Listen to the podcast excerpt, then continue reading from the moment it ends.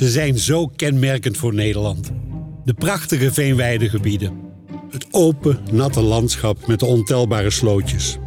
Honderden jaren lang hebben we de waterstand in deze gebieden verlaagd, zodat het land geschikt werd voor wonen en werken, de landbouw. Maar de grond droogt uit en droge veengrond breekt snel af en zakt in. En met de afbraak van veen komen broeikasgassen vrij. En dat is een probleem. In het klimaatakkoord hebben we afgesproken dat de veenweiden gaan zorgen voor het verminderen van een jaarlijkse emissie van 1 megaton in 2030. Hoe gaan we dat doen? Wat weten we al en wat weten we nog niet? Het Nationaal Onderzoeksprogramma Broeikasgassen Veenweiden zoekt het uit. En wij zoeken mee. Binnen aan tafel en buiten op reportage. Dit is een podcastserie over meten, weten en voorspellen. Over de fascinerende wereld van het veen, de passie van onderzoekers en de weg naar minder uitstoot. Dit is Studio Veenweide met Inge Diepman. In Zegveld, in een prachtig veenweidegebied in de provincie Utrecht, zijn we te gast bij het Veenweide Innovatiecentrum. En zit ik hier aan tafel met Douwe Jonkers, programmamanager Veen bij het ministerie Landbouw, Natuur en Voedselkwaliteit. Ja, goedemiddag Inge. Ja, je zit nog naar buiten te staren. Het komt niet zo vaak voor misschien, eh, dat je in dit gebied bent. Nou, ik kom een enkel keertje wel hier. Hè. We zijn hier eh, onderzoek aan het uitvoeren en we vergaderen hier regelmatig ook in deze zaal, ook met de regiegroep Veenweide. En het is voor mij op fietsafstand. Dus ik fiets ook nog wel eens even door het gebied. En dat vind ik hartstikke leuk om te doen. Ja, dat is prachtig. Douwe, je hebt naast je zitten Chris van Naarden. Hartelijk welkom. Adviseur Veenweide en Innovatie op het Boerenerf bij LNV. Welkom. Ook voor jou bekend terrein? Zeker, ja. Ik werk op de kennisafdeling van het ministerie. Dus ik kom regelmatig buiten bij eh, diverse pilots die lopen in het Veenweidegebied. En mijn uh, taak is eigenlijk om dat zo goed mogelijk die kennis te clusteren en daar een uh, overzicht van te bieden. En samen met de onderzoekers te gaan bepalen wat we de komende jaren gaan onderzoeken. Waarom hebben we toch altijd het gevoel dat ambtenaren alleen maar op een ministerie zitten?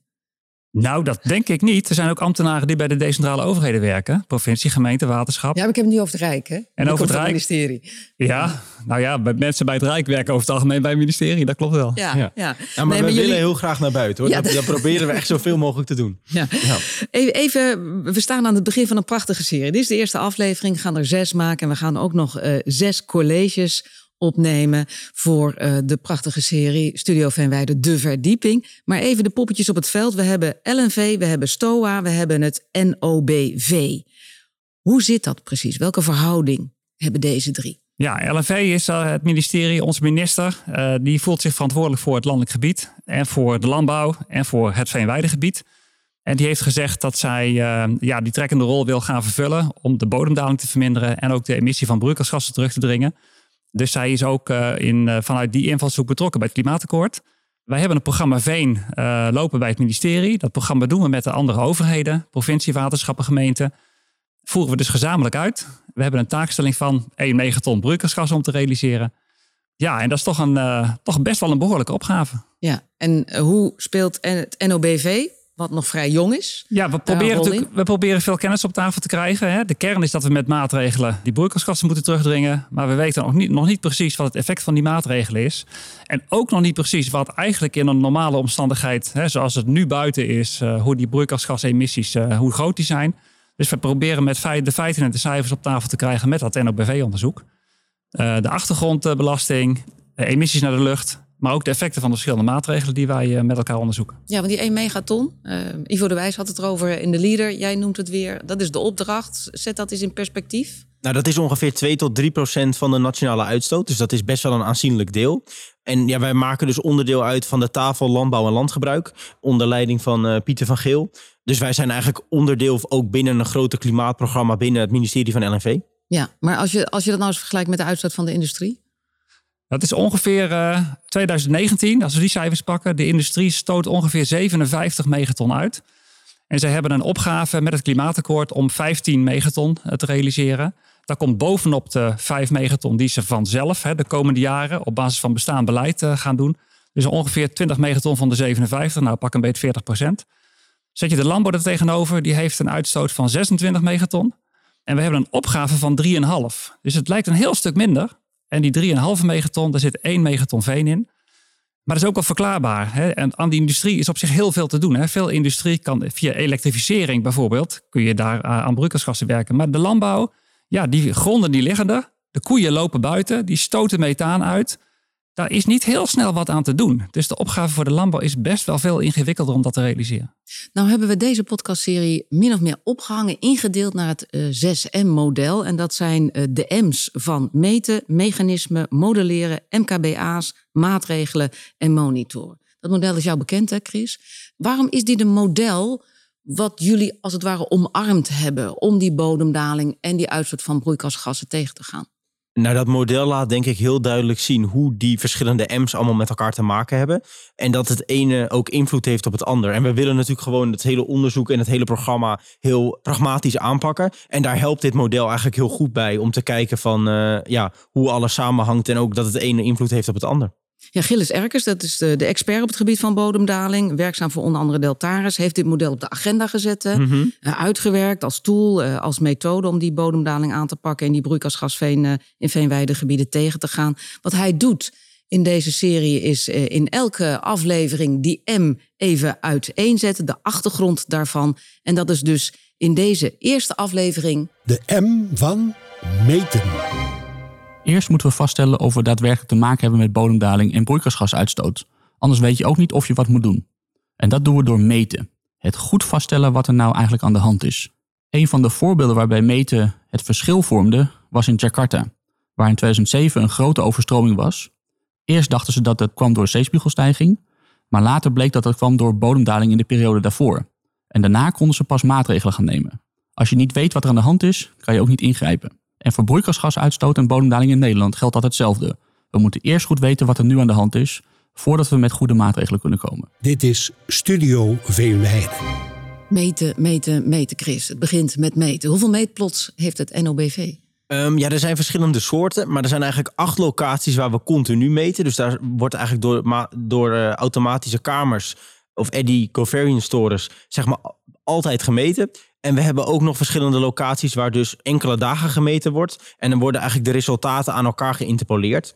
En die permanente meetlocaties die hebben ook als doel om die interpolatiemethodes steeds verder te verbeteren. Ja, hier in Zegveld hebben we zo'n meetlocatie. Jazeker, we hebben er meerdere. Eentje staat bij de listdorreteelt. Er staat er eentje bij de onderwaterdrainage, eentje bij de drukdrainage, één keer bij het referentieperceel en ook nog eentje bij de hoogwaterboerderij wordt nu ingericht en daar wordt het dus op min 20 gestuurd. Ja, maar wat we nu gaan doen is naar Friesland, want daar hebben we er ook één. Zeker, in ja. Ben je daar wel eens geweest? Uh, daar ben ik ook een keer geweest, ja. ja. Nou, wij zijn gegaan met uh, postonderzoeker Merit van den Berg. Uh, zij is specialiste op het gebied van meten en analyseren van broeikasgasfluxen uit venen. En Merit van den Berg zal straks in de tweede reportage ons uitleggen wat je dus allemaal ziet op zo'n meetplot. Wat daar gemeten wordt, hoe dat gemeten wordt, horen we straks. Maar eerst Martin Dijkstra. Want die meetapparatuur in Oldenborn is neergezet op het land van melkveehouder Martin Dijkstra. En hij is deelnemer aan de nationale veenweideproef. Hij melkt zo'n 70 koeien op 53 hectare klei op veen. En wij troffen hem aan op de deel, want hij was net van plan de koeien te gaan voeren. Maar hij stapte voor ons even van zijn trekker af om te vertellen waarom hij meedoet en waar die meetplots op zijn land zijn neergezet. We hebben eh, twee eh, kabels. Een thuiskabel waar we nu staan van 37 hectare en een veldkabel van 17 eh, hectare. de meetplots die zijn de ene, dat werkt meetplot ligt op 4 hectare, hier rechtsachter. Dat is in 2016 onder, onderwaterdrainage toegepast. En het, het, het, het schaduwperceel, daar, daar ligt het andere meetplot op, dat ligt ernaast. Zet jij even de trekker uit? Ja, ga ik doen. Ja, dank je. Uh, Merit, jij komt hier wel vaker? Ja, niet meer zo vaak, maar ik kwam hier wel wat regelmatiger voor een uh, proef wat al eerder liep in Friesland. En, uh, ja, en sinds nu anderhalf jaar zijn we dus bezig met het NOBV hier ook te meten. Maar uh, eigenlijk collega's uit Nijmegen zijn hier heel veel vaker. Die zijn hier om de week om hier de meetplots uh, ja, te onderhouden. Tot jouw spijt volgens mij. Beschrijf die meetplots eens, waar wij nu eigenlijk op uitkijken. Ja, de meetplots zijn zo'n 10 bij 20 meter groot. Dus dat is best wel flink. En in die meetplots proberen we alles te meten wat met CO2 uh, emissie te maken heeft. Dus we meten de CO2 wat uit de bodem komt. En eh, alles wat eh, daarvoor zorgt dat die CO2 eruit komt, alles wat daarmee te maken heeft, meten we ook. Zoals uh, nou, temperatuur en zuurstofgehalte in de bodem en bodemvocht. En, maar ook de samenstelling van de bodem wordt gemeten.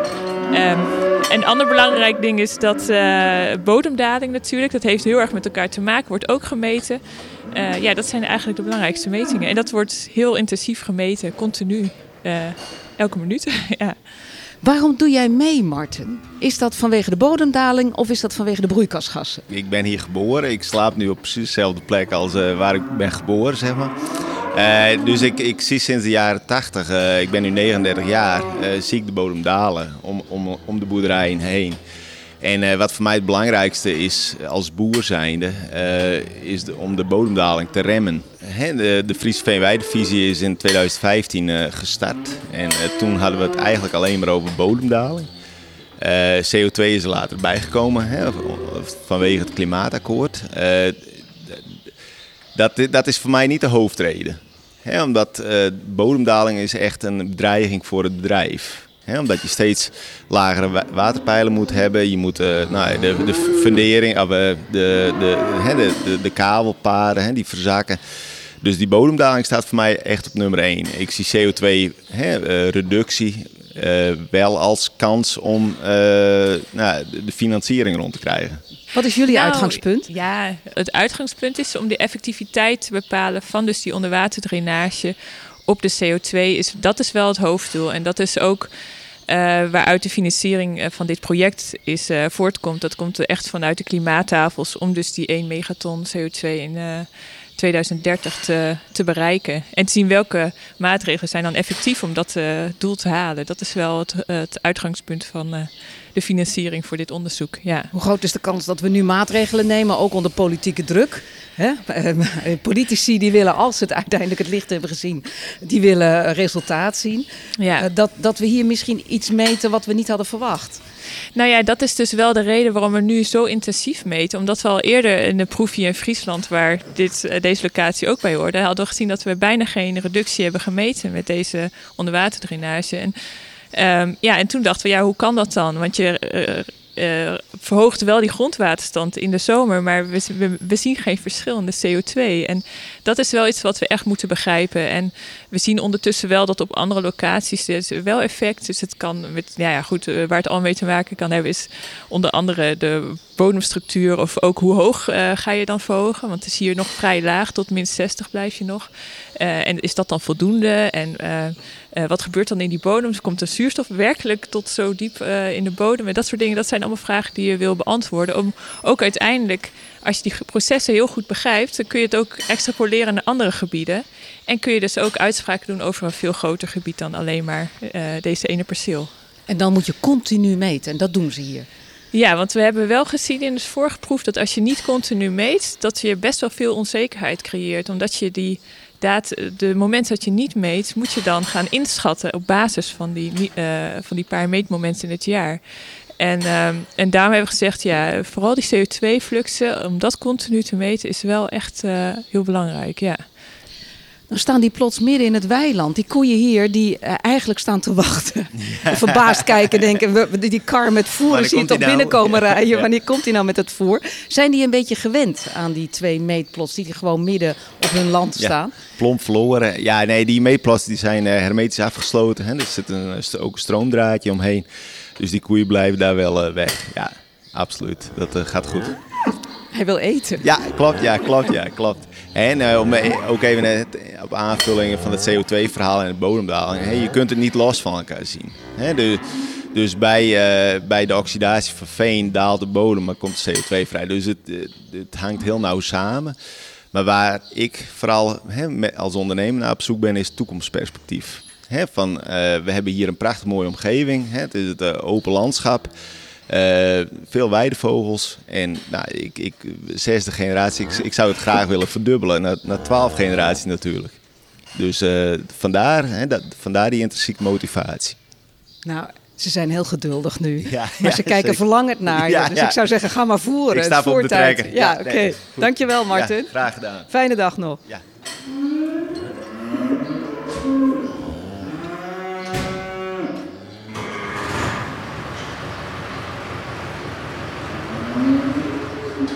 Nou, koeien blij.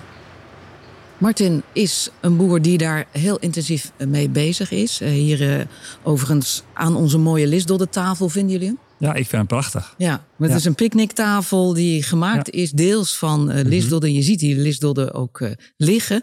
Aan tafel Chris Naarden en Douwe Jonkers, beide van het ministerie van Landbouw, Natuur en Voedselkwaliteit. Douwe als programmamanager, Veen en Chris verantwoordelijk voor het kennisdeel van het Veen-programma. Doel van de boer is, ik wil hier blijven boeren. Ja, dat klopt. Zeker. Wat is voor jou zeg maar, het uitgangspunt waarom het NBV uiteindelijk er moest zijn? En dus die meetpots er moesten komen. Nou, er wordt eigenlijk, je hoort Martin dat ook al zeggen, door de decentrale overheden eigenlijk al decennia lang onderzoek gedaan naar bodemdaling. En ook hoe je dat eigenlijk kan verminderen. En die koppeling met broeikasgassen, die is er zeker, maar dat is niet altijd een één op één relatie. En we moesten eigenlijk een achterstand inhalen van al die metingen die er al gedaan zijn op basis van bodemdaling, op basis van CO2 en methaan en lachgas. En daar zijn we eigenlijk nu druk mee bezig. Dus dat is ook iets wat we vanuit het landelijke en ook met alle partijen zo snel mogelijk hebben opgezet om dat te gaan onderzoeken.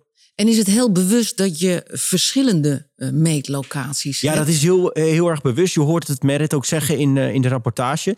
We hebben door Nederland verschillende veentypes en ook verschillende droogleggingen. En het hangt heel erg af van ja, wat de grondwaterstanden zijn, wat de veentypes zijn, hoe het kan reageren. Dus we hebben expres die meetlocaties die we nu hebben verplaatst of eigenlijk verdeeld over heel het land. En de verschillende veentypes. En daar, daar is ook in het consortium van het NLBV wel lang over gesproken voordat die locaties daadwerkelijk zijn ingericht en wat dan geschikte sites zouden zijn. En wordt er dan, Douwe, is het zeg maar één geheel voor die 1 megaton CO2 die we moeten gaan reduceren? Eh, of is het uh, jij een beetje meer dan ik? Het is eigenlijk een gezamenlijke taakstelling. En er zijn zes provincies bij betrokken: Friesland, Groningen, Noord-Holland, Zuid-Holland, Utrecht en Overijssel. En de afspraak is die we met elkaar gemaakt hebben dat die zes provincies zes provinciale veenweidestrategieën gaan opstellen met alle betrokkenen in het gebied. Het is echt een bottom-up proces om te kijken hoe je tot maatregelen en tot een reductie kan komen. En de vraag is dan natuurlijk hoe die ene megaton verdeeld wordt over die zes provincies. En we hebben daar met elkaar goed naar gekeken. Het oppervlakte van het veen, maar ook de dikte van het veenpakket, de grondwaterstand. En dat bepaalt eigenlijk hoeveel je waar zou kunnen reduceren.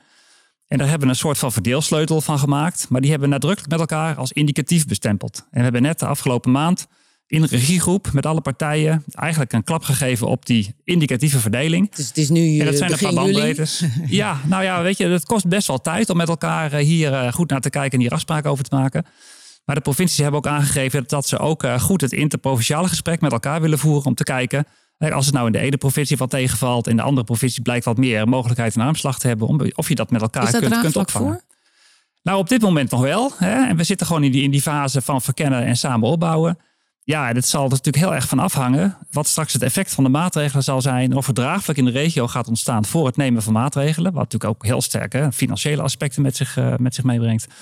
Om te kijken of je dan met elkaar samen boven die ene megaton kan komen of niet. En als dat probleem gaat opleveren, ja, dan zal dat de spannende discussie natuurlijk nog wel gaan toenemen. Ja, waar? Waar wordt die discussie dan beslecht? Nou, eh, allereerst met elkaar aan tafel. En dat zijn de, de, de decentrale overheden gezamenlijk, uh, de provincie gezamenlijk, maar ook het goede gesprek met de minister. En dat is wat we nu ook uh, ieder jaar eigenlijk proberen te organiseren. Ieder jaar een goed voortgangsgesprek met de minister en de, en de provincies om te kijken van waar staan we nou, wat leveren die provinciale veenweidestrategieën op, waar lopen we met elkaar tegenaan en wat is er ook nodig aan randvoorwaarden om dat gebiedsproces te ondersteunen. Om boeren zover te krijgen dat ze inderdaad met venatingsmaatregelen aan de slag gaan. En met welke informatie helpt het NOBV ons nu, dit onderzoeksprogramma? Wat loopt er aan onderzoek? Nou ja, dit is vanuit het landelijke op dit moment het, het meeste in het oog springende onderzoek. Hier buitenom hebben we ook nog projecten lopen via het programma Interbestuurlijk Programma Vitaal Platteland. En we zijn nu dus ook met initiatiefnemers in gesprek om te kijken of we de landelijke innovaties, die eigenlijk al in de regio's, wat ik al vertelde, al jaren uh, lopen, om die ook meer te laten samenwerken. En hoe we daar eigenlijk een landelijke kop op kunnen zetten. En we zijn dus begonnen met dit onderzoek omdat we daar eigenlijk een beetje, nou ja, op achterliepen. Klinkt een beetje uh, onherbiedig. Maar dat was wel iets wat het, uh, wat het meeste aandacht vergde. Ja, maar wat weten we nu al wat voortgekomen is uit onderzoek wat het NOBV de afgelopen twee jaar heeft gedaan? Nou ja, wat we ook met de onderzoekers hebben afgesproken, is dat de effecten zeg maar, van weer op de metingen is heel groot. En we hebben dus eigenlijk afgesproken bij het begin van dit programma dat we minimaal twee jaar gaan meten. Want dan heb je natuurlijk altijd twee zomers met verschillende weertypes. En wat nou eigenlijk heel mooi is, is dat het vorig jaar best wel droog was. En dit jaar hebben we in de zomer van 2021, het is natuurlijk pas juli, maar hebben we nog een vrij gematigde zomer. En e- eigenlijk hebben we dan best wel een goede referentie om te gaan zeggen: oké, maatregel X kan op locatie Y wel deze reductie op gaan leveren. Maar we hebben nadrukkelijk afgesproken bij het programma dat we minimaal twee meetjaren gaan hebben voordat we daar uitspraak over doen. Nou is het fantastisch dat we begonnen zijn hè, en dat het onderzoek wordt gedaan. Maar aan de andere kant denk ik wel 2030, 2030, dat, dat, is, dat is vrij dichtbij. Ja. Gaan we dat redden? Wat, wat zoals Merit ook zei, hè, je moet weten, eh, daarom moet je ook meten, daarom moet je ook monitoren. Uh, maar je moet weten wat het effect is van die maatregelen. Maar 2030 ja, is, het, het, eh, lijkt, zo- het, lijkt soms, jaar. het lijkt soms ver weg, maar het is aan de andere kant ook wel heel dichtbij, negen jaar. Eh, En er moet ook best wel heel veel gebeuren. Hè? Provincies zijn nu met die eerste generatie veenweidestrategieën bezig. Om met die gebiedsprocessen, met partijen te komen tot allereerst een ambitie. Hè? Van waar willen we nou met elkaar naartoe? Wat zien wij als een soort van inspanningsverplichting? En dan vervolgens heb je dat, de uitkomsten van het onderzoek nodig. Om de komende twee jaar veel gedetailleerder te gaan vaststellen. Welke maatregelen gaan we nou in welk gebied nemen? En is er dan draagvlak en is er financiering voor? Dus dat betekent dat pas over twee jaar, 2023, misschien in de loop van 2024, er een tweede versie van die plannen op tafel ligt, waarmee, veel concreter vastgesteld is wat gaan we nou en wat zouden we nou waar kunnen doen. En we hopen dat het onderzoek ons daar enorm bij gaat helpen om de juiste maatregelen op de juiste plek te krijgen. Dan zitten we in 2024. En dan heb je nog zes jaar om de maatregelen uit te rollen. En daar hebben we de middelen voor klaarstaan. Dat lijkt nu weer, weer volstrekt onvoldoende. Dus we zijn ook naastig op zoek, ook in de formatietafel, om te kijken of er nog aanvullende middelen beschikbaar kunnen komen. Maar dan heb je nog maar zes jaar om die maatregelen uit te rollen. Dus het wordt best nog wel spannend of we dat op termijn eh, op, op tijd gaan halen. Ja, in het veld zie je wel dat er be- bepaalde regio's ook wel durven te werken met, een, met wat meer onzekerheidsmarges. En dat andere gebieden ja, iets meer terughoudend zijn. Dus dat zie je ook wel in de gebieden terug. Nou ja, dat de ene wat meer durft te leven met wat meer risico, zou ik bijna willen zeggen. Nou ja, en dan de andere. en het vertrouwen dat er ruimte is dat als het niet goed gaat, of dat een maatregel toch niet zoveel oplevert als dat men van tevoren dacht, dat daar dan ook draagvlak voor is. Dus dat daar geen enorme negativiteit over uitgestrooid wordt. Nou ja, ik denk wel dat we in Nederland ook gewoon moeten durven experimenteren. En, en als iets fout gaat, ja, dan eh, zeker in het veld, dan vind ik dat persoonlijk ook helemaal niet erg. Eh, want je kan er heel lang over praten. Maar als je in een paar regio's aan de slag gaat en het blijkt toch niet op te leveren wat je denkt dat het opgeleverd zou hebben, dan heb je het in ieder geval geprobeerd. Ik, ja, wij werken allebei binnen het ministerie, maar we kunnen stapels rapporten aanleveren met aanbevelingen van dergelijke onderwerpen. Maar in het veld proberen en er dan achter komen, dat vind ik altijd eh, ja, tien keer sterker dan dat je het nooit geprobeerd hebt. Dit is voor heel veel partijen natuurlijk wel een moeilijk punt. Hè? Want je legt je vast, heeft men nu het gevoel, gevoel met een klimaatakkoord op een uitkomst, 1 megaton. Maar eigenlijk gaat het om de maatregelen en of die maatregelen in je bedrijfsvoering passen. En daar zeg je dan ja tegen. Dus eigenlijk gaan die boeren straks in hun gebied ook akkoord met een maatregelenpakket. En dan moeten we nog maar afwachten wat het effect van die maatregel gaat worden. En dan kan het meevallen, maar het kan ook tegenvallen. Dus die boeren willen zich qua resultaatsverplichting eigenlijk liever vaststellen op die maatregelen dan op de uitkomst daarvan. En wat is voor jou dan het uitgangspunt? Want we hebben hier bodemdaling en broeikasgassen. En die hebben natuurlijk heel veel met elkaar te maken. Ja. Uh, aan de andere kant zie je politiek gezien dat je volgens mij alleen afgerekend wordt op die uitstoot van broeikasgassen, niet op de Ja, bodemdaling. nou ja, die bodemdaling is dus al een vraagstuk wat al tientallen jaren loopt. Hè. Dat is ook heel geleidelijk en heel sluipend gaat dat. En voor sommige boeren die in het gebied wonen, die zeggen ja, het hoort er ook gewoon bij. Maar je merkt wel steeds meer dat het op bepaalde gebieden kritisch gaat worden. Die waterpijlen gaan niet meer iedere keer naar beneden aangepast worden. Op termijn gaat het daar toch wel van natten. Nou, die kritische gebieden gaan zich steeds meer voordoen. En daar zien de boeren aan de lijve dat ze naar een oplossing moeten zoeken. Nou ja, en daar is echt wel draagvlak voor. Dat willen ze steeds meer. Als je naar de Rijksoverheid kijkt, dan zegt het Rijk... ja, eigenlijk zien wij dit vooral als een regionaal probleem en een lokaal probleem. Want het hangt van de bodemsoort af, het hangt van de hydrologie af... de specifieke situatie, het bodemgebruik. Dus het Rijk kijkt heel sterk naar de decentrale overheden... en naar de, de boeren zelf. En de grote gamechanger is toch wel het klimaatakkoord geweest. Hè? Met dat klimaatakkoord eh, zijn die broeikasgassen op tafel gelegd... en is deze inspanningsverplichting van die 1 megaton op tafel gekomen... En dat heeft een enorme versnelling gegeven aan ook het, ook het vraagstuk rond bodemdaling. Ja, ik denk dat dat het wel, eh, Ja. wel is eigenlijk. En tot wanneer zal het NOBV bestaat eigenlijk nog maar net? Twee jaar. Ehm, hè, want we, we leven nu in 2021. Tot, tot wanneer is het NOBV-onderzoek nodig? Um, nou, we hebben nu in ieder geval een afspraak gemaakt om dat tot 2024 door te laten lopen. Maar ja, we hebben het natuurlijk, deze hele podcast gaat over de 6 M's.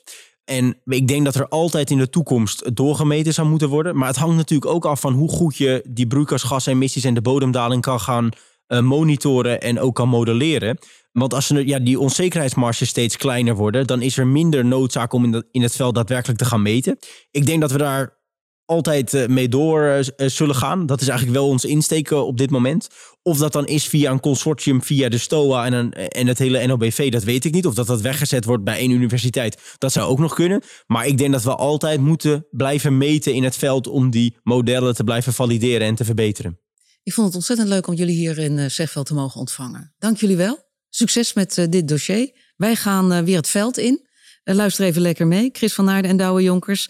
Want hoe ziet zo'n meetplot er nou precies uit? Jullie weten dat, maar dat weet niet iedereen. Wat staat er nou eigenlijk? Wat wordt er nou precies gemeten? Nou, Merit van den Berg, onze postdoc-onderzoeker bij eh, de VU en Radboud Universiteit, die kan daar ontzettend enthousiast over vertellen. Nou, ik kan je wel zeggen, tussen twee echt hele zware regenbuien in. Ik was zo ongelooflijk blij met de laarzen van uh, Martin Dijkstra. Maakte zij mij wegwijs in het land der broeikasgasmetingen. En als je dan zo'n meetplot betreedt, dan is, uh, zijn een aantal zaken heel opvallend. En een van de meetinstrumenten, die vallen echt, hè, die, die springen in het oog. En dat zijn die fluxkamers die CO2 meten. Dat zijn die halve plastic bollen, die gaan af en toe open en dan weer dicht. En als er eentje open gaat, dan klinkt dat zo.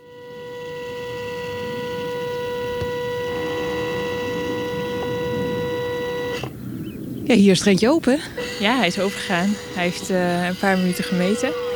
En uh, als hij dicht zit, dan, uh, ja, dan vangt hij eigenlijk alle CO2 op die in de bodem wordt geproduceerd. Het is eigenlijk een soort klein broeikastje, een oester die open en dicht gaat. Ja, dat is het, ja. ja. En uh, hij is dus ook transparant. Dus het is zodat dus het licht er doorheen komt en die gas nog wel gewoon kan groeien en zijn ding kan doen. Het is een soort broeikas, dus dat betekent ook dat de temperatuur hoger wordt. Dus je moet hem ook niet te lang dicht hebben en dan kan die weer open en dan, ja, dan kan die weer uh, ja, op adem komen, zou ik bijna zeggen. Ja. Nou zijn dit automatische kamers. Ja. Dat is wel fijn, want in het begin waren het handmatige. En dan moet je er eigenlijk volgens mij met een tentje naast slapen, omdat s'nachts in verband met uh, het niet aanwezig zijn van fotosynthese natuurlijk ja. een, uh, ander, uh, anders gemeten wordt. Ja, nou daar waren dan geen transparante kamers, maar donkere kamers dan voor die overdag ingezet werden. Dus het was niet dat je weer in de nacht ging meten, maar je zorgt ervoor dat er dan dat er geen licht bij kwam door gewoon de kamers uh, niet transparant hebben. Je ziet heel duidelijk s'nachts, dan is er dus geen licht en dan is er geen fotosynthese. En dan zie je dat er telkens een toename is in je CO2.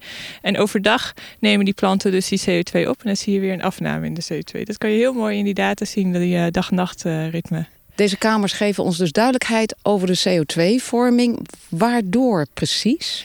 Ja, dat is het, het moeilijke van CO2-meting is, is dat het altijd een combinatie van alles is. Dus je hebt je veenoxidatie, die, daar komt CO2 vrij.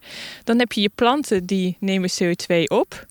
Uh, en die, uh, via de wortels komen de, komt er weer koolstof in de bovenste laag van de grond. En dat gaat ook weer uiteindelijk een keer ook weer de lucht in. Dus je hebt, dat is eigenlijk een kortcyclische uh, vorm van CO2. Uh, koolstof wordt opgenomen door planten, komt in de bodem, wordt weer gerespireerd. Dan heb je die langcyclische, dat is eigenlijk de veenoxidatie. Um, en dan heb je ook nog, op een gegeven moment wordt dat gas ook weggehaald. Dus je neemt ook koolstof weer uit je systeem. En dat moet je dus ook bepalen om uiteindelijk je totale balans te maken van uh, wat komt er nou uit je systeem en wat gaat erin. Moet je dan niet de vegetatie eruit halen? Oh, ja, hoe zou je dat dan moeten doen? Ja, je kan eigenlijk twee manieren doen uh, door te bepalen wat is nou het effect van je vegetatie. Enerzijds is dus uh, als je lang genoeg meet, dan is eigenlijk die kortcyclische uh, koolstofcyclus, dat, dat is eigenlijk niet zo belangrijk dan meer. Op een lange termijn kun je wel, uh, de netto CO2-emissie is dan je veenoxidatie. Ze zijn lekker actief, hè? Ja, ja, ja ze gaan uh, om de drie minuten open en dicht. Dus, En een ander uh, idee is om dat met een model te doen. Dus dan heb je een model waarin zowel je uh, veengrond wordt uh, gemodelleerd als de vegetatie. En als je die goed parametriseert, dan kan je dus ook bepalen welk deel van je, van je totale flux is, komt van die planten en welk deel komt van je veen. Maar, en er is nog een ander idee nu, en dat is, zien we het hier. Dat is dat er is een experiment waarbij het gras weg is gehaald. Uh, en er is en, uh, nog een variant waarbij ook nog een deel van de bodem weg is gehaald. En nog een deel waar nog meer bodem is weggehaald.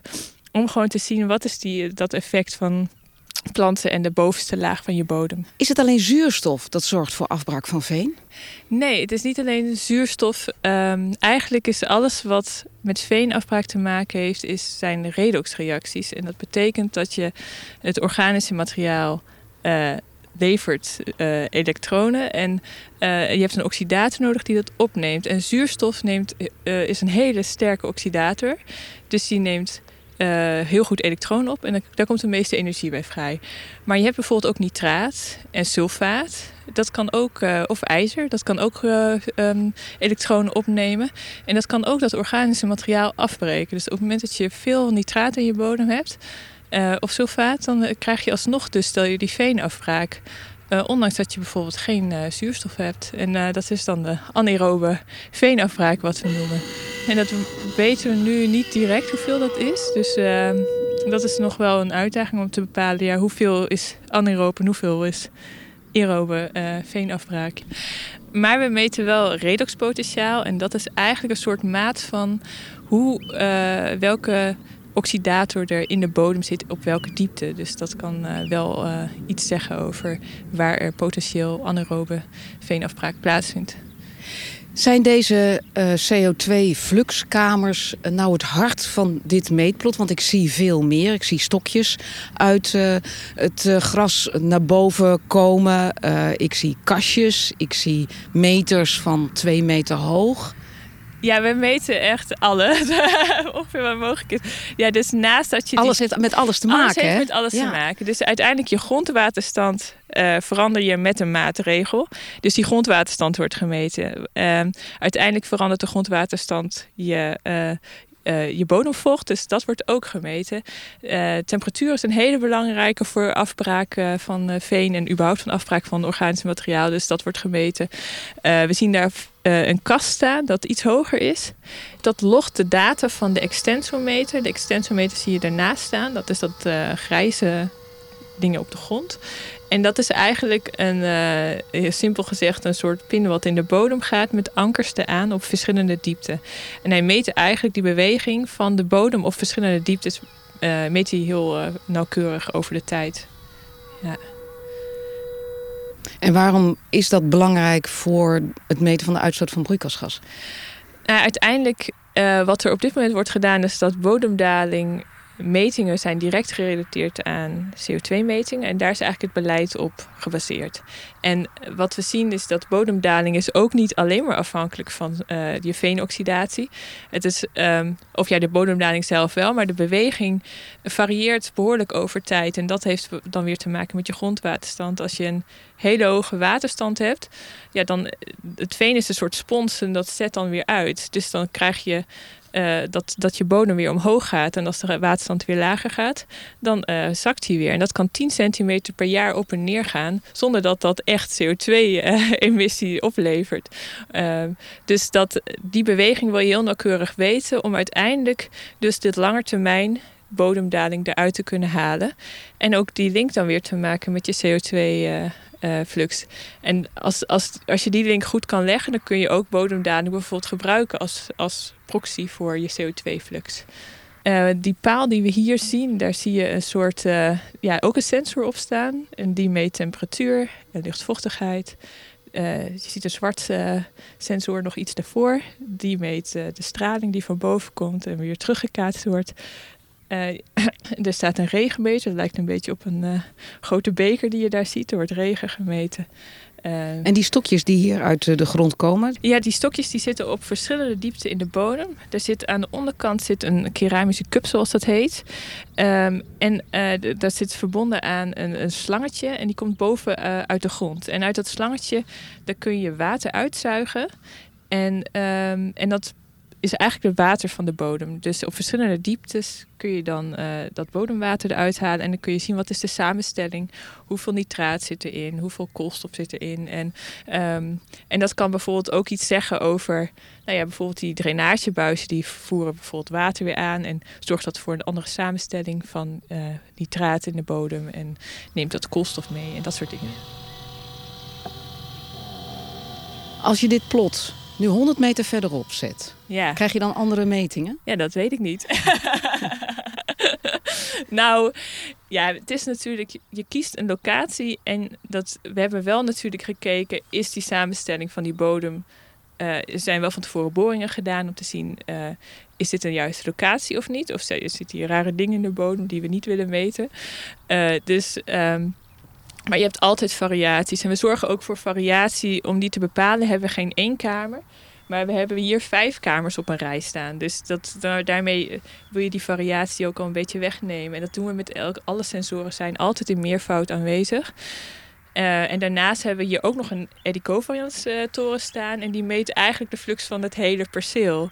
Dus die vergelijking kan je dan ook nog maken. En zien, ja, dat was het eigenlijk wel. Hebben het goed gedaan. weten, we het, weten we het juiste hier, ja. Dus dit plot blijft uh, waar het is. Dat gaan we niet verplaatsen. Het lijkt me wel een goed idee als we onszelf gaan verplaatsen. Want als we de, de, lucht, de lucht bekijken, komt er een enorme bui aan. Ja, goed. Laten we gaan. Onderzoeker Merit van den Berg, gespecialiseerd in meten en analyseren van broeikasgasfluxen uit venen. En ook bezig met het modelleren van de gemeten fluxen met het Peatland eh, VU-model. En daar hebben we het in aflevering 3 over. Dit is Studio Veenweide. We meten niet alleen om meer te weten, maar ook omdat we verplicht zijn om jaarlijks de uitstoot van broeikasgassen te rapporteren. En voor de emissies die uit het Veenweidegebied komen, doet Jan-Peter Lesje dat. Hartelijk welkom, Jan-Peter. Ja, dankjewel. Jij bent werkzaam bij de werkgroep uh, LULUCF of LULUCF. En dat staat voor Land Use, Land Use Change and Forestry. Wat zeg jij zelf? LULUCF. Uh, vaak, vaak houden we het kort op LULUCF. Ja. ja. Wat, wat is dit voor een uh, registratiewerkgroep? Dat is een werkgroep die is onderdeel van de emissieregistratie. En die rapporteert de emissies uit landgebruik. En ja, dat vallen alle emissies eigenlijk onder die daar gerelateerd zijn. Emissies uit de bossen, emissies uit ja, landbouwgebruik. dus de bomen, de, de bossen en de bodems de veengronden, ook bosbranden vallen eronder. En aan wie rapporteren jullie dat? In eerste instantie aan de Nationale Emissieregistratie, waar het onderdeel van is. En die verzamelt alle emissies uit Nederland en rapporteert dat als één nationale emissierapportage aan de UNFCCC, voor de United Nations Convention on Climate Change. Dat is verplicht? Dat is verplicht, ja. Sinds wanneer? Al behoorlijk lang. Het precieze jaar weet ik niet, maar eigenlijk, je rapporteert emissies vanaf 1990. En ik denk uh, dat ze daar echt begonnen zijn eind jaren 90. Met ja, nu uh, en sinds kort het Parijsakkoord in 2015 is, wordt dat vanaf 2021 is dat uiteindelijk voor de nieuwe klimaatdoelstellingen is dat leidend. Ja. Jij bent erbij betrokken sinds 2008 en uh, vervolgens kregen we dus in 2015 dat Parijsakkoord, het klimaatakkoord. Zie je verschil? In uh, aandacht. Ja, klopt. Uh, in het begin was, ja, hing onze werkgroep er eigenlijk maar een beetje bij en ging het toch vooral om de emissies uit de andere sectoren. Dus dan heb je het over energie, uh, industriële processen, landbouw, afval. En ja, landgebruik, dat telde eigenlijk niet echt mee. Het was ook niet een harde doelstelling, was ervoor. Maar met het Parijsakkoord is het belang van deze werkgroep in het landgebruik veel groter geworden. Omdat het Parijsakkoord zegt van ja, je moet uiteindelijk naar netto nul emissies. En dat betekent dat je dus ook vastlegging moet hebben, want er zullen altijd nog wel emissies overblijven. Maar het NOBV, eh, waar deze podcastserie uh, om draait, om broeikasgas uit veenweidegebieden, bestaat nog niet zo lang. We meten al wel wat langer, maar niet zo intensief als de laatste jaren. Waar waren dan die rapportages van jou op gebaseerd? Ja, de huidige rapportage is nog steeds gebaseerd op een methode zoals Jan van der Akker die destijds heeft ontwikkeld op basis van lange termijn bodemdalingsmetingen.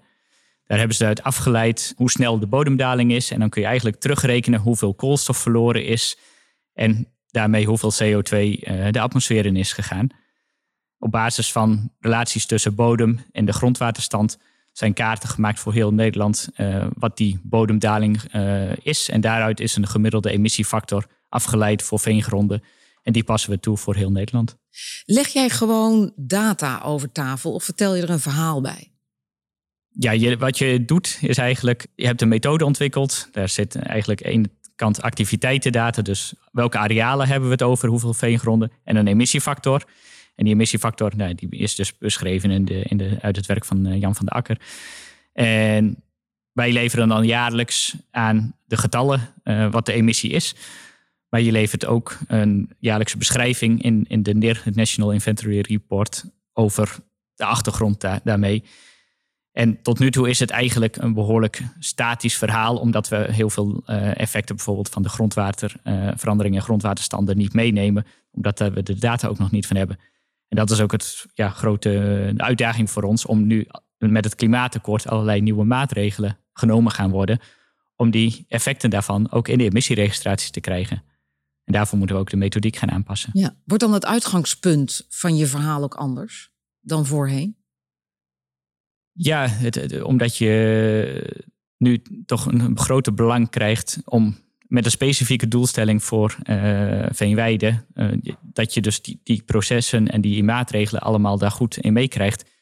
En dat was vroeger dus natuurlijk minder belangrijk. Dan ging het, heb je het totaalbeeld een beetje correct. Maar nu, ook nu, nu die doelstellingen verhoogd worden en er meer naar gekeken wordt, moet je natuurlijk preciezer gaan monitoren om die effecten mee te gaan uh, nemen. Ja, zie je ook dat je eigenlijk voorheen veel meer aan bodemdaling ophing en, en nu veel directer aan de emissieuitstoot? Ja, nou ja, dat, dat, dat is waar we naartoe moeten. Omdat je inderdaad niet één op één meer van die bodemdaling uit kan gaan. En, en ook maatregelen eh, die nu genomen worden, zoals uh, drukdrainage. De vraag is, zien we dat voldoende in de bodemdaling terug? Of kun je dat toch beter uh, meten met de emissies van broeikasgassen? En ook als je naar andere ja, vormen van landgebruik kijkt op die veengrond, bijvoorbeeld een paludricultuur. Dan gaan ook emissies van andere broeikasgassen, zoals methaan, meespelen. Dus dan kun je het niet alleen maar meer aan die bodemdaling ophangen.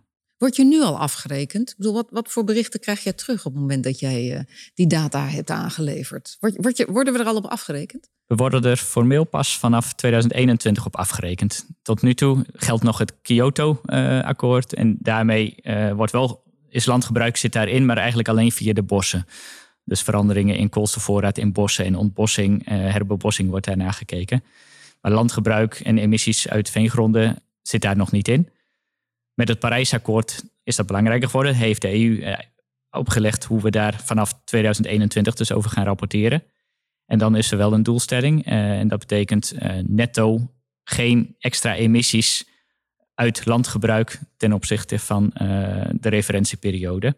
En als je minder emissies krijgt, dus eigenlijk credits genereert, dan mag je daar tot een zekere hoogte ook mee compenseren in andere sectoren. Dus als wij de emissies uit veenweiden bijvoorbeeld, of extra koolstofvastlegging in, in bossen eh, kunnen genereren, mag je dat compenseren voor emissies uit bijvoorbeeld de land, uh, landbouw. Hoe doen we het eigenlijk ten opzichte van andere landen? Nou ja, als ik even qua. Uh... Ik weet niet of je je collega's, je buitenlandse collega's wel eens spreekt. En zegt: kijk, kijk, kijk, kijk. Ja. Wat wij, hoe wij het nu doen. Dat je er dan trots bij kan kijken. Of juist niet? Nou ja, we zijn in eerste instantie waren we een van de eerste landen die een zogenaamde tier 2 emissiefactor gebruikt. Dus, dus een, nationaal, een emissiefactor gebaseerd op nationale data. Terwijl veel landen een tier 1 emissiefactor hadden, dus eigenlijk gebaseerd op de ja, algemene literatuur. Je ziet nu dat in veel landen de grote programma's ook zijn opgestart. Een aantal, zoals in Engeland en uh, Duitsland, hebben ze grote programma's opgestart waar ze mee, uh, metingen hebben uitgevoerd de laatste jaren. En die zijn eigenlijk nu weer een stapje verder.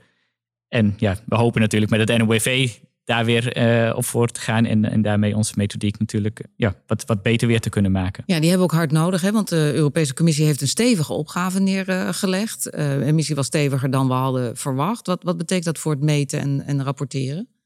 Er is nu uh, discussie uh, om de ambitie te verhogen. Dus naar 55% reductie in 2030 al. In het klimaatakkoord zijn we op 49%.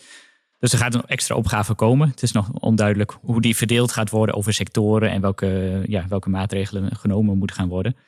Maar er is wel al sprake van ook dat ook landgebruik meer moet gaan doen. Mogelijk dat er naar een soort avolu-sector, dus waar landbouw en landgebruik samen bekeken wordt en dat die richting klimaatneutraal moeten gaan.